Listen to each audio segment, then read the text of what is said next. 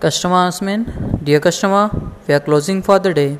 So request you, as per your shopping and move to the cash counter.